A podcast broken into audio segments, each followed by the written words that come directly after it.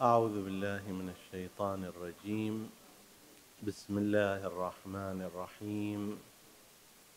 والصلاة والسلام على أشرف الأنبياء والمرسلين أبي القاسم المصطفى محمد.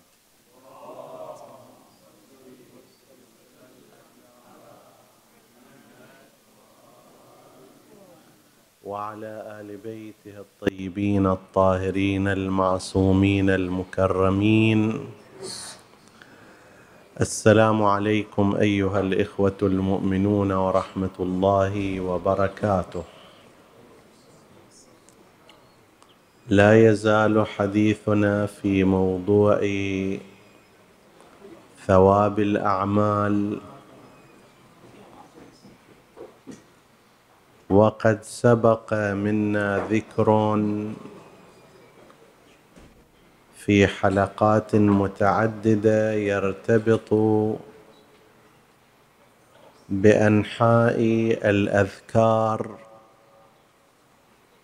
والآثار التي تترتب على تلك الأذكار كما أيضا سبق ذكر عن بعض آثار الصلوات. والموضوع من حيث السعة هو واسع جدا. لو أراد الإنسان أن يتتبع كل ما ورد فيه لا يتيسر له أن ينهيه. ولكن نحن نأخذ نماذج من كل عنوان من العناوين. وفي هذا اليوم نتناول شيئا عن آثار الصيام وذلك لمناسبة هذا اليوم الذي هو أول يوم من أيام شهر رجب المرجب.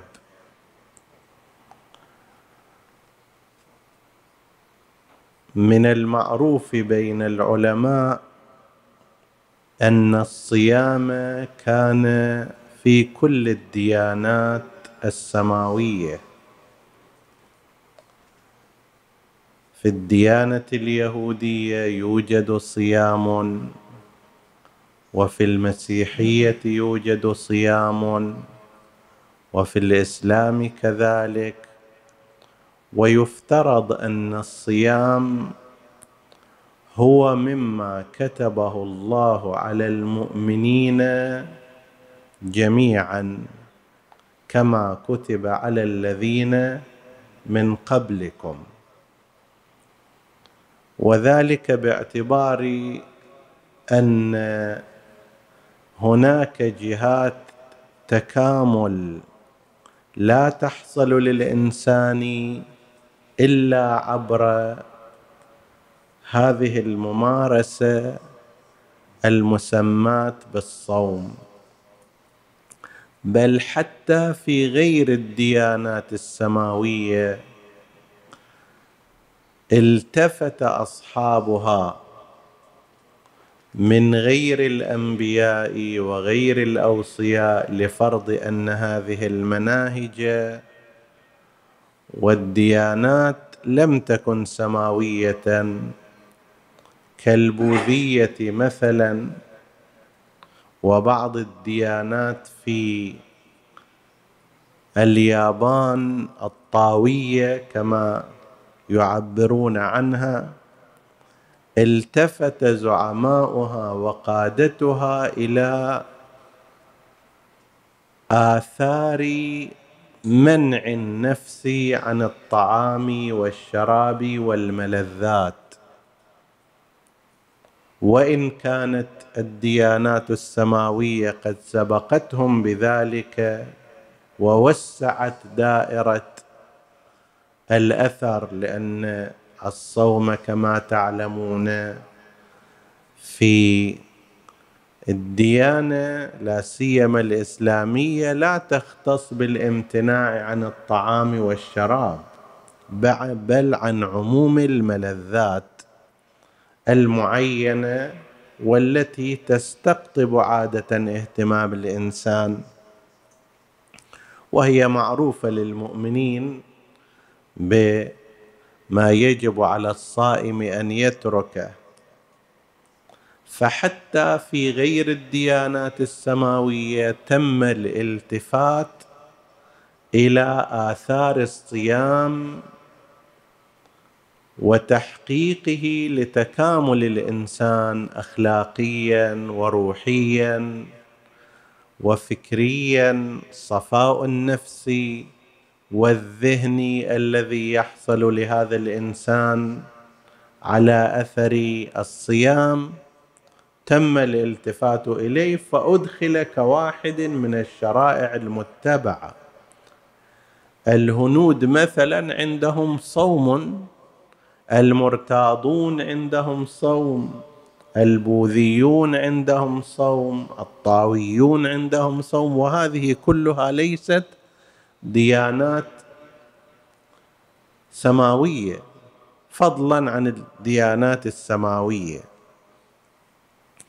في الدين الإسلامي وجدنا أن هناك حدا أدنى وهو حد الواجب أن يصوم شهرا من كل سنة شهر رمضان.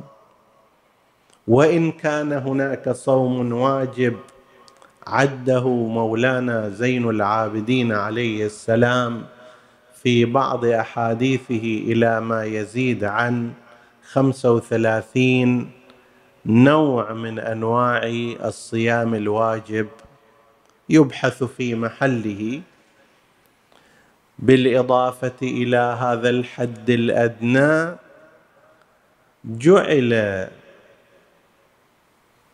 الصوم متاحا في استحبابه بشكل كبير جدا مثلما الصلاة. الصلاة خير موضوع أو خير موضوع من شاء فليستقل منه ومن شاء فليستكثر. الصلاة في حد أدنى وهو الفرائض. وهناك مجال مفتوح أي وقت من الأوقات أحببت الصلاة فصلي. بمناسبة وبغير مناسبة تضيف إلى كمالك كمالا وإلى صفاء روحك صفاء. في مسجد في غير مسجد في ليل في نهار إلى غير ذلك. كذلك الحال بالنسبة إلى الصيام. هناك استحباب عام باعتبار أنه عبادة. إضافة إلى ذلك عينت مواسم. هذه المواسم تم التأكيد عليها ومنها الأشهر السابقة لشهر رمضان شهر رجب وشهر شعبان.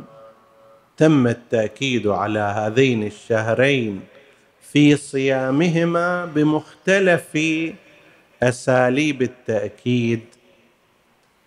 وحيث أننا في أول شهر رجب نتعرض إلى هذه الجهة تحريضا لأنفسنا وتشجيعا لمن يسمع لكي لا يفوته هذا المهرجان العظيم من الثواب والجزاء. على مستوى المذاهب الأخرى عندنا في المذاهب الإسلامية باستثناء الحنابلة باقي المذاهب يرون استحباب صيام شهر رجب بكامله. الشافعية يرون استحباب صيام صيام الشهر والأحناف كذلك والمالكية كذلك. بل والزيدية أيضا يروون كثيرا من الروايات التي هي موجودة عند الإمامية في فضيلة هذا الشهر وفضيلة صومه. نعم الحنابلة الرأي المشهور عندهم عدم استحباب صيام تمام الشهر. حتى إذا تريد تصومه صومه بس لا تصومه كامل شيل منه يوم شيل منه يومين.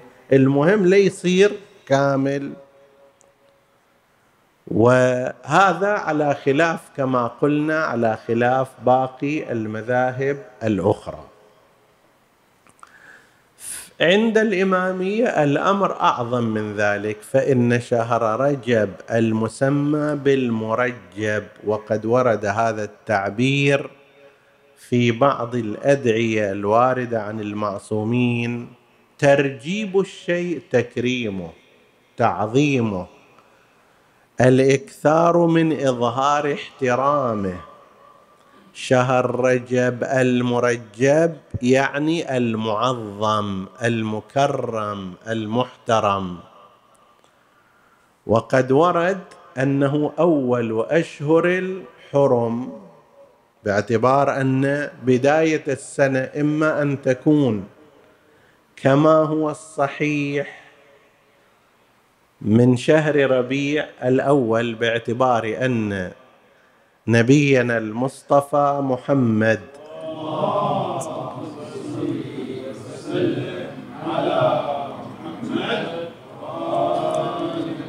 كانت هجرته في شهر ربيع فيفترض أن تبدأ السنة الهجرية بهذه المناسبة من ذلك الشهر. لكن فيما بعد تم تعيين شهر محرم باعتباره أول السنة الهجرية فيما بعد رسول الله صلى الله عليه وآله الخلافه عندما جاءت عينت. شهر محرم هو أول الأشهر وبهذا الاعتبار سيختلف مثلا أن النبي صلى الله عليه وآله انتقل إلى ربه في السنة العاشرة أو في السنة الحادية عشر لأنه في صفر. إذا كان ربيع الأول هو أول السنة فبعده ما خلصت السنة. وإذا كان لا محرم هو أول السنة فمعنى ذلك بدأت بشهر وشيء. على أي حال هذا ليس بحثنا فيه. فأول أشهر الحرم سواء كان بداية السنة محرم أو ربيع أول الأشهر التي حرم فيها القتال منها أربعة حرم هو شهر رجب.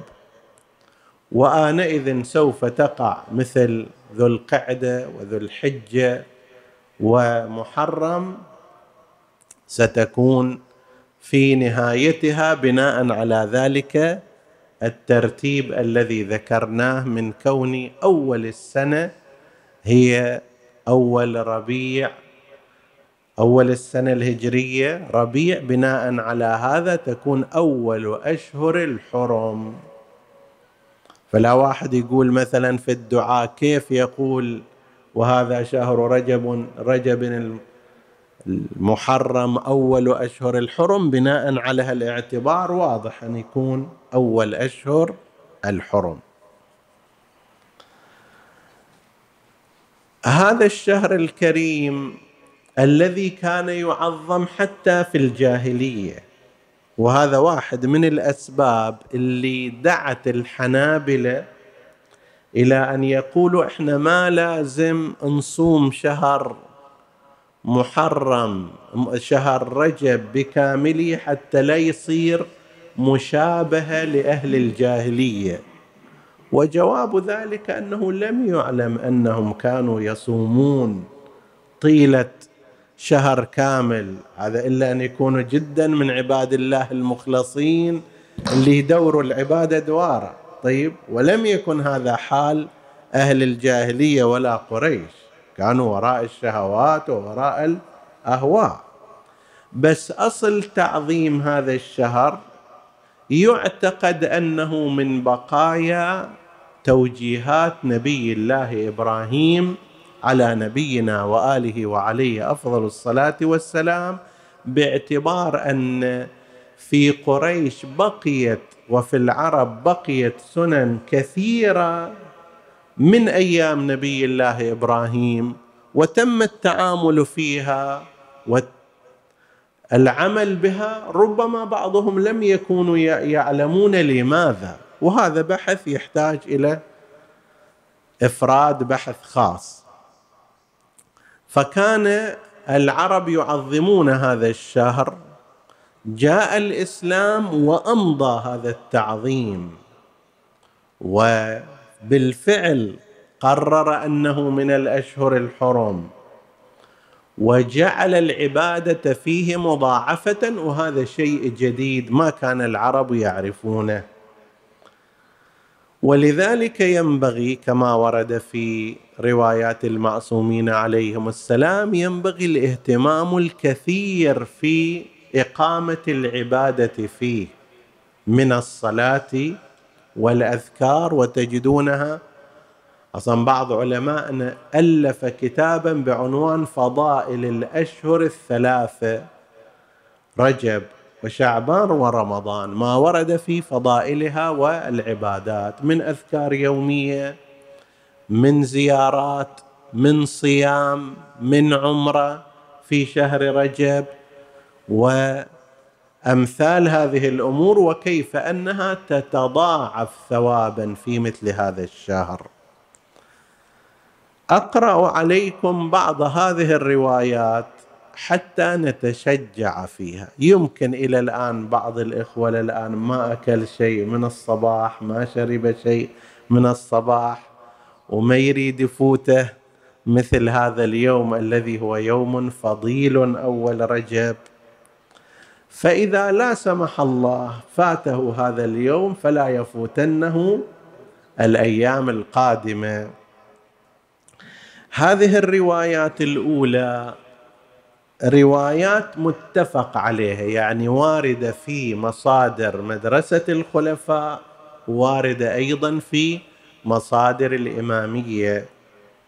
في الرواية عن نبينا محمد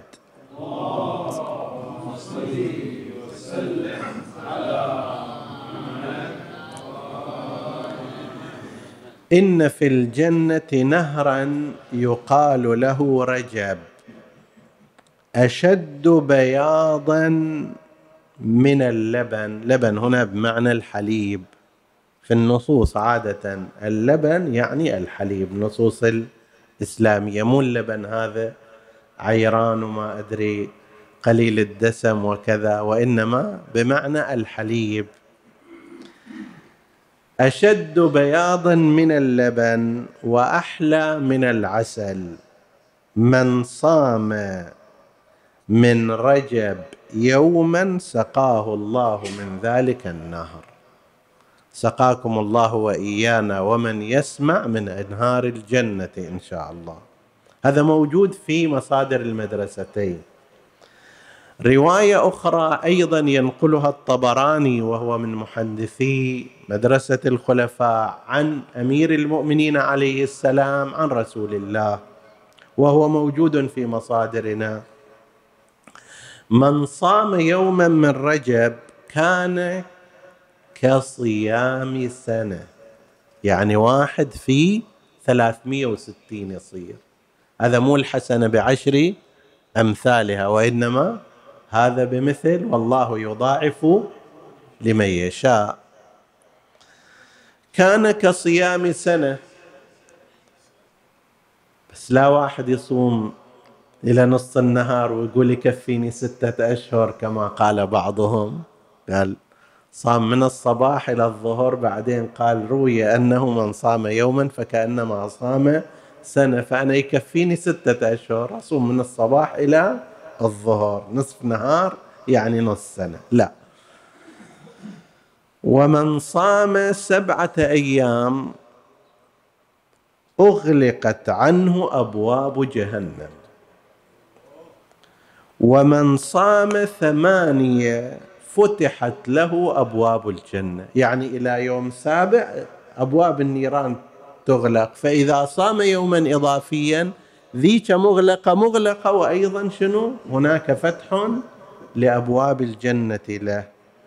ومن صام عشرة أيام لم يسأل الله شيئا إلا أعطاه. فد معامله جدا معاملة عظيمة. أما في خصوص ما يرتبط بأحاديث الإمامية أقرأها على نحو الإسراء من عن النبي صلى الله عليه وآله من صام أول يوم من رجب وجبت له الجنة. إن شاء الله أكثر الحاضرين صائمون حتى يكون قد وجبت لهم الجنة. وفي إقبال الأعمال من صام من رجب ثلاثة أيام وقام لياليها في أوسطه يعني ليلة 13 14 15 هسه اليوم بالنسبة إلى البعض مثلا راح. لكن أيام البيض بعد هي قدامنا. صيام نهارها وقيام ليلها. لا يخرج من الدنيا إلا على التوبة النصوح. وفي أمال الصدوق أن رجلا من أصحاب الإمام الصادق اسمه سالم دخل على الإمام في شهر رجب فقال يا سالم هل صمت من هذا الشهر شيئا؟ قال لا. قال لقد فاتك من الثواب ما لم ما لا يعلم مبلغه إلا الله. شهر كامل ولا يوم. فد ثواب عظيم. هذا مثل إنسان يقول له مثلا في فلان مكان أكو كنز وما حد يمه بس أنت تروح تشيله هو يتساهل ويتماهل ويترك. طيب. هذا كنز ولكن كنز الهي. نعم. فقال سالم وقد شعر بالخسارة فإن صمت شيئا مما بقي. يظهر في أواخر الشهر دخل عليه. هل أنال بعض ثواب الصائمين؟ قال نعم. من صام يوما من آخر هذا الشهر.